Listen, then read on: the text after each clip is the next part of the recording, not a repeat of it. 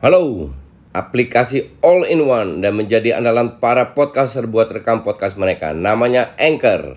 Kalian nggak perlu peralatan yang ribet kayak studio kalau mau rekaman. Semua bisa dari smartphone kalian menggunakan Anchor. Anchor bisa kalian download di App Store atau Play Store. Mudah banget kan? Di Anchor kalian nggak hanya bisa ngerekam audio tapi kalian juga bisa ngedit langsung di sini. Bukan itu aja, Anchor juga dapat mendistribusikan konten kamu ke platform lain, contohnya Spotify, Apple Music, dan lain-lain. Keren kan? Satu aplikasi buat semua kebutuhan. Daripada kalian makin penasaran, mending langsung aja download Anchor sekarang. Oh ya, Anchor ini gratis loh.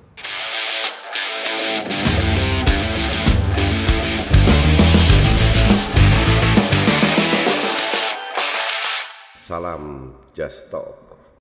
Ya, salam Just Indo. Kita kembali bahas yang lagi hot-hotnya. Akhirnya bagus Kavi diberi um, apa namanya dilepas oleh klubnya Barito diberikan surat bahwa dia bisa pindah ke FC Utrecht.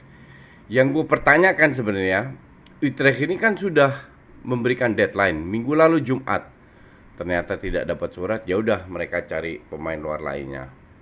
Nah ternyata menurut dari interview yang gue baca terutama dari pihak Mola yang gue lebih percaya karena mereka semua yang membantu Mola lewat uh, Dennis Wise um, yang melobi ke FC Utrecht bukan FC Utrecht yang pengen bagus tapi Dennis Wise yang memberikan rekomendasi agar uh, mengambil si bagus.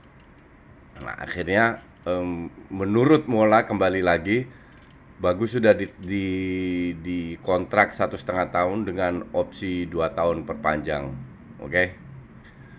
Um, apakah ini hal yang bagus? Ini hal yang sangat bagus. Kita sekarang berasumsi bahwa bagus benar ke FC Utrecht. Walaupun di website FC Utrecht belum ada konfirmasi apa pun ya. Tapi kita lihat mungkin mereka tunggu bagus sampai di Utrecht tanda tangan baru mereka uh, announce. Um, setelah ta tanda tangan kontrak. Tapi nggak ada masalah itu. Ya ini perkembangan yang luar biasa ba bagusnya kalau gue bilang. Dan dia di salah satu interview bagus juga bilang kalau dibandingin pemain-pemain uh, saya ini saya, saya bukan siapa-siapa. Artinya kalau gue melihat ini anak low profile, nggak nggak sombong, nggak apa namanya nggak merasa dirinya hebat karena memang Young FC Utrecht yang U21 ini kan bermain di Eerste Divisi, satu divisi di bawah Eredivisie. Jadi itu ketemu tim-tim besar, tim-tim senior, um, sehingga kalau seandainya dia diberi kesempatan main itu sangat bagus sekali. Bagus dalam arti untuk perkembangannya dia, ya. Di Eerste Divisi itu ada empat Young tim yang bermain, yaitu Young Ajax, Young PSV, Young Utrecht sama Young AZ bahkan Young Feyenoord aja nggak main di situ. Hanya empat dari tim um, Eredivisie yang main di Eerste Divisi yang main di uh, uh, kom kompetisi ka kasta kedua. Sementara pemain-pemain muda semua maka dari itu empat tim ini tidak bisa promosi. Oke? Okay? mereka hanya bermain untuk memberikan kesempatan kepada pemain muda kayak di di Spanyol kan juga Bars uh, Barca B sama Real Madrid B yang main di Sekunda Division nggak um, nggak bisa promosi ya. Nah, ini bagus kan masuk ikut latihan dulu. Hmm. Beredar uh, gaji bahkan bahwa bagus akan digaji gede. Gaji gede itu kan relatif gaji gede mungkin untuk kita. Tapi di sini kita bisa makan dengan 20.000 kalau di sana sekali makan siang ya 150.000, 170.000, 89 10 euro. 1 euro itu kalau nggak salah um, 17.000. Jadi kalau 10 euro aja udah 170.000. Jadi relatif gede atau enggak. Tapi memang ada aturannya bahwa pemain di luar EU, di luar Eropa Union termasuk Inggris nggak masuk European Union sekarang uh, Brexit nanti gue bikin video tentang Brexit apa uh, konsekuensinya terhadap pemain-pemain luar nah karena bagus ber berasal dari luar EU itu harus minimum gajinya. Minimum gajinya itu kalau dulu 400 ribu Holden, sekarang 300 ribu euro. Artinya dia sebulan itu dibayar sama FC Utrecht 25 ribu euro. Itu kotor. Dan untuk yang belum tahu, pajaknya di Belanda, waktu gue tinggal di sana, karena gue belum nikah, belum punya anak, nggak ada tanggung jawab, tinggal sendiri, punya pekerjaan bagus, punya mobil dan lain-lainnya, itu waktu itu gue dipotong 50%. Ya, paham? Um, jadi gue tidak tahu ada kalau nggak salah dulu sih ada khusus buat uh, aturan khusus buat pemain bola. Tidak setinggi itu tapi sekitar mungkin 35 persenan deh. Gue lupa sekitar itu. Kenapa? Karena mereka tidak stay lama di di Belanda. Habis itu mereka cabut. Jadi ada ada aturan khusus buat pemain luar luar Eropa yang bermain. Jadi kalau seandainya 25 ribu, let's say dia terima 15 ribu lah. 15 ribu itu kan sekitar 250 juta. Untuk kita gede, gede banget. Tapi untuk di sana sebenarnya gede, tetap gede, cuman nggak luar biasa. Pemain lain-lainnya gak banyak yang lebih gede lah. Tapi untuk pemain youth, pemain itu besar sekali. Apakah Utrecht? Pertanyaan kan apakah Utrecht bersedia membayar pemain sebesar itu sementara hanya didapatkan lewat rekomendasi dari Dennis Wise sementara pemain ini nggak di, diikutin oleh Utrecht. Kalau boleh jujur, gue tidak percaya Utrecht mau bayar itu segitu. Oke, okay? ini pasti ada third party yang membiayain gajinya ke Utrecht entah itu full entah sedikit gue nggak tahu tapi gue hampir yakin tapi gue tidak ada bukti cuman gue yakin Utrecht tidak mungkin bayar segitu untuk bagus tiap bulan Hola gue mau ngenalin kalian aplikasi rekaman andalan gue Anchor jadi Anchor ini aplikasi yang lengkap buat para podcaster kita bisa ngerekam ngedit tambah musik efek bahkan sampai upload ke platform lainnya. Semua bisa dari Anchor. Nah, aplikasi Anchor ini bisa kalian download di App Store atau Play Store. Dan juga di website di www.anchor.fm. One app that your podcast needs. Oh ya, Anchor ini gratis ya. That's okay.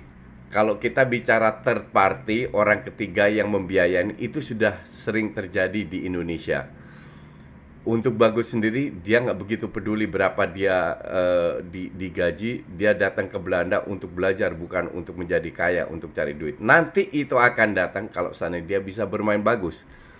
Satu-satunya pemain Asia Tenggara yang benar-benar berhasil di Belanda itu cuma satu namanya Fandi Ahmad. Pemain Singapura. Gue bertahun 4-5 tahun gue nonton Fandi Ahmad karena dia dia main di Groningen. Itu zaman zamannya gue tiap minggu nonton sepak bola di stadion jadi um, tahun berapa itu ya? Akhir 80-an kalau nggak salah. Ya 80-an.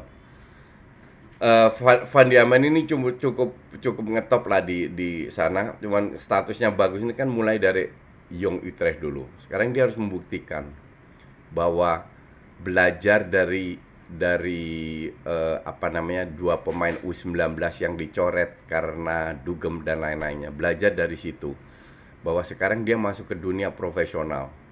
Tidak ada lagi namanya dugem bla bla bla bla. Kalau gue pernah lihat mereka simpen uh, uh, mie instan di Inggris, itu ada videonya beredar. Entah bagus, entah bagas, gue nggak tahu. Sa sal salah satu itu. Sebenarnya makan makan instan noodle itu sekali sekali nggak apa-apa, nggak ada masalah. Sekali sekali, oke. Okay? Tapi dari uh, kehidupan sehari-hari itu sangat membantu kalau dia makan sehat. Sekali dia harus sadar bahwa makan itu untuk bodinya, buku, bukan untuk lidahnya. Nanti kita juga akan bahas, gua akan bikin video tentang makan sehat.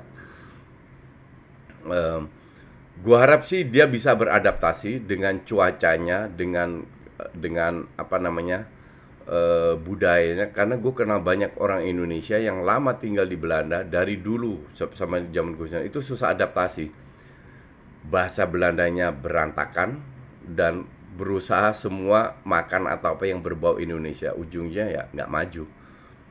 Justru orang Indonesia yang ada di luar jangan terlalu banyak kumpul dengan orang Indonesia, tapi kalau bisa dengan Belanda, Bu, belajar budaya ba baru, belajar secara pemikiran. Kalau dia pun gagal, nggak ada masalah minimal jangan sampai um, dia tinggal 1, 2, 3, 4 tahun mungkin di Utrecht, dia nggak bawa modal untuk hidupnya sendiri. Hidup itu kan bukan cuma sepak bola, kalau dia gagal minimal dia punya modal untuk kembali ke Indonesia untuk menerapkan. Tapi asumsi dia berhasil, dia berhasil pun bukan karena berkat pihak ketiga atau dibayar atau enggak. Dia berhasil harusnya dia meyakinkan berhasil berkat kemampuan dia beradaptasi, bermain dan bertindak di dalam dan di luar lapangan sebagai seorang pemain profesional. Profesional adalah lo sebagai orang public figure. Jangan terlalu banyak main uh, sosmed. Tahu apa yang lu posting karena itu akan jadi kendala. Itu bisa dimanfaatkan untuk menghancurkan karir lu. Belajar dari banyak pemain profesional lah ya bermain sesuai dengan kapasitas lu secara fisik bagas, ba, bagus kalah for sure speed mungkin dia bisa menang skill mungkin dia tidak kalah Manfaatkan di mana? Di timing. Bermain dengan ruang. Visi, tidak hanya lihat satu langkah ke depan, lihat dua tiga langkah ke depan di lapangan. Seperti apa? Dia gerak ke mana? Nah itu hal-hal yang dia bisa tingkatkan di mana faktor yang dia bisa bersaing dengan pemain-pemain Belanda yang secara fisik lebih kuat, mungkin skill lebih bagus, tapi definitely uh, dia bisa survive, bisa bermain sebagai pemain inti di Young FC Utrecht kalau dia bisa memanfaatkan kekuatan dia. Jadi tidak mengikuti alur, dengerin apa yang pelatih inginkan dan bermain sesuai dengan kapasitas lu. Jangan melakukan hal-hal yang lu tidak bisa. Kayak adu body. You will lose it. Pada saat lu kalah adu body, lu kehilangan bola tapi sebelum lawan lu uh, deket lu udah passing duluan lari minta bola lagi terlibat jangan kayak Van de Beek cuma nunggu bola doang tapi ini terlibat dalam permainan berani tunjukkan nyali kalau kita kan sering kali oh nggak enak nggak enak nggak enak nggak rasa nggak enak itu harus disingkirkan mereka akan menganggap bagus adalah sesama mereka sama dalam arti punya hak yang sama dan kewajiban yang sama. Apalagi dia dari luar Eropa, mereka berharap ini akan jadi bagus, akan lebih bagus daripada rata-rata pemain di sana. Kita lihat perkembangannya di mana. Semoga eh, bagus bisa beradaptasi. Kalau dia bisa beradaptasi, bisa berkembang, low profile, dia bisa, dia punya peluang untuk maju. Oke? Okay?